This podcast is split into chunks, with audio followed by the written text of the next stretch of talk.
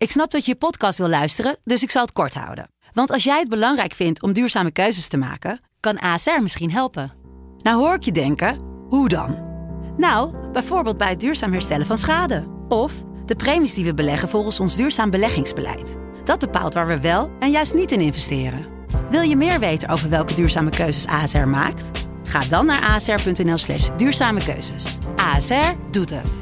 Zo, dan kan je nu lekker naar je podcast luisteren. Hallo, mijn naam is Harm Teunis en naast mij zit Dave Maasland.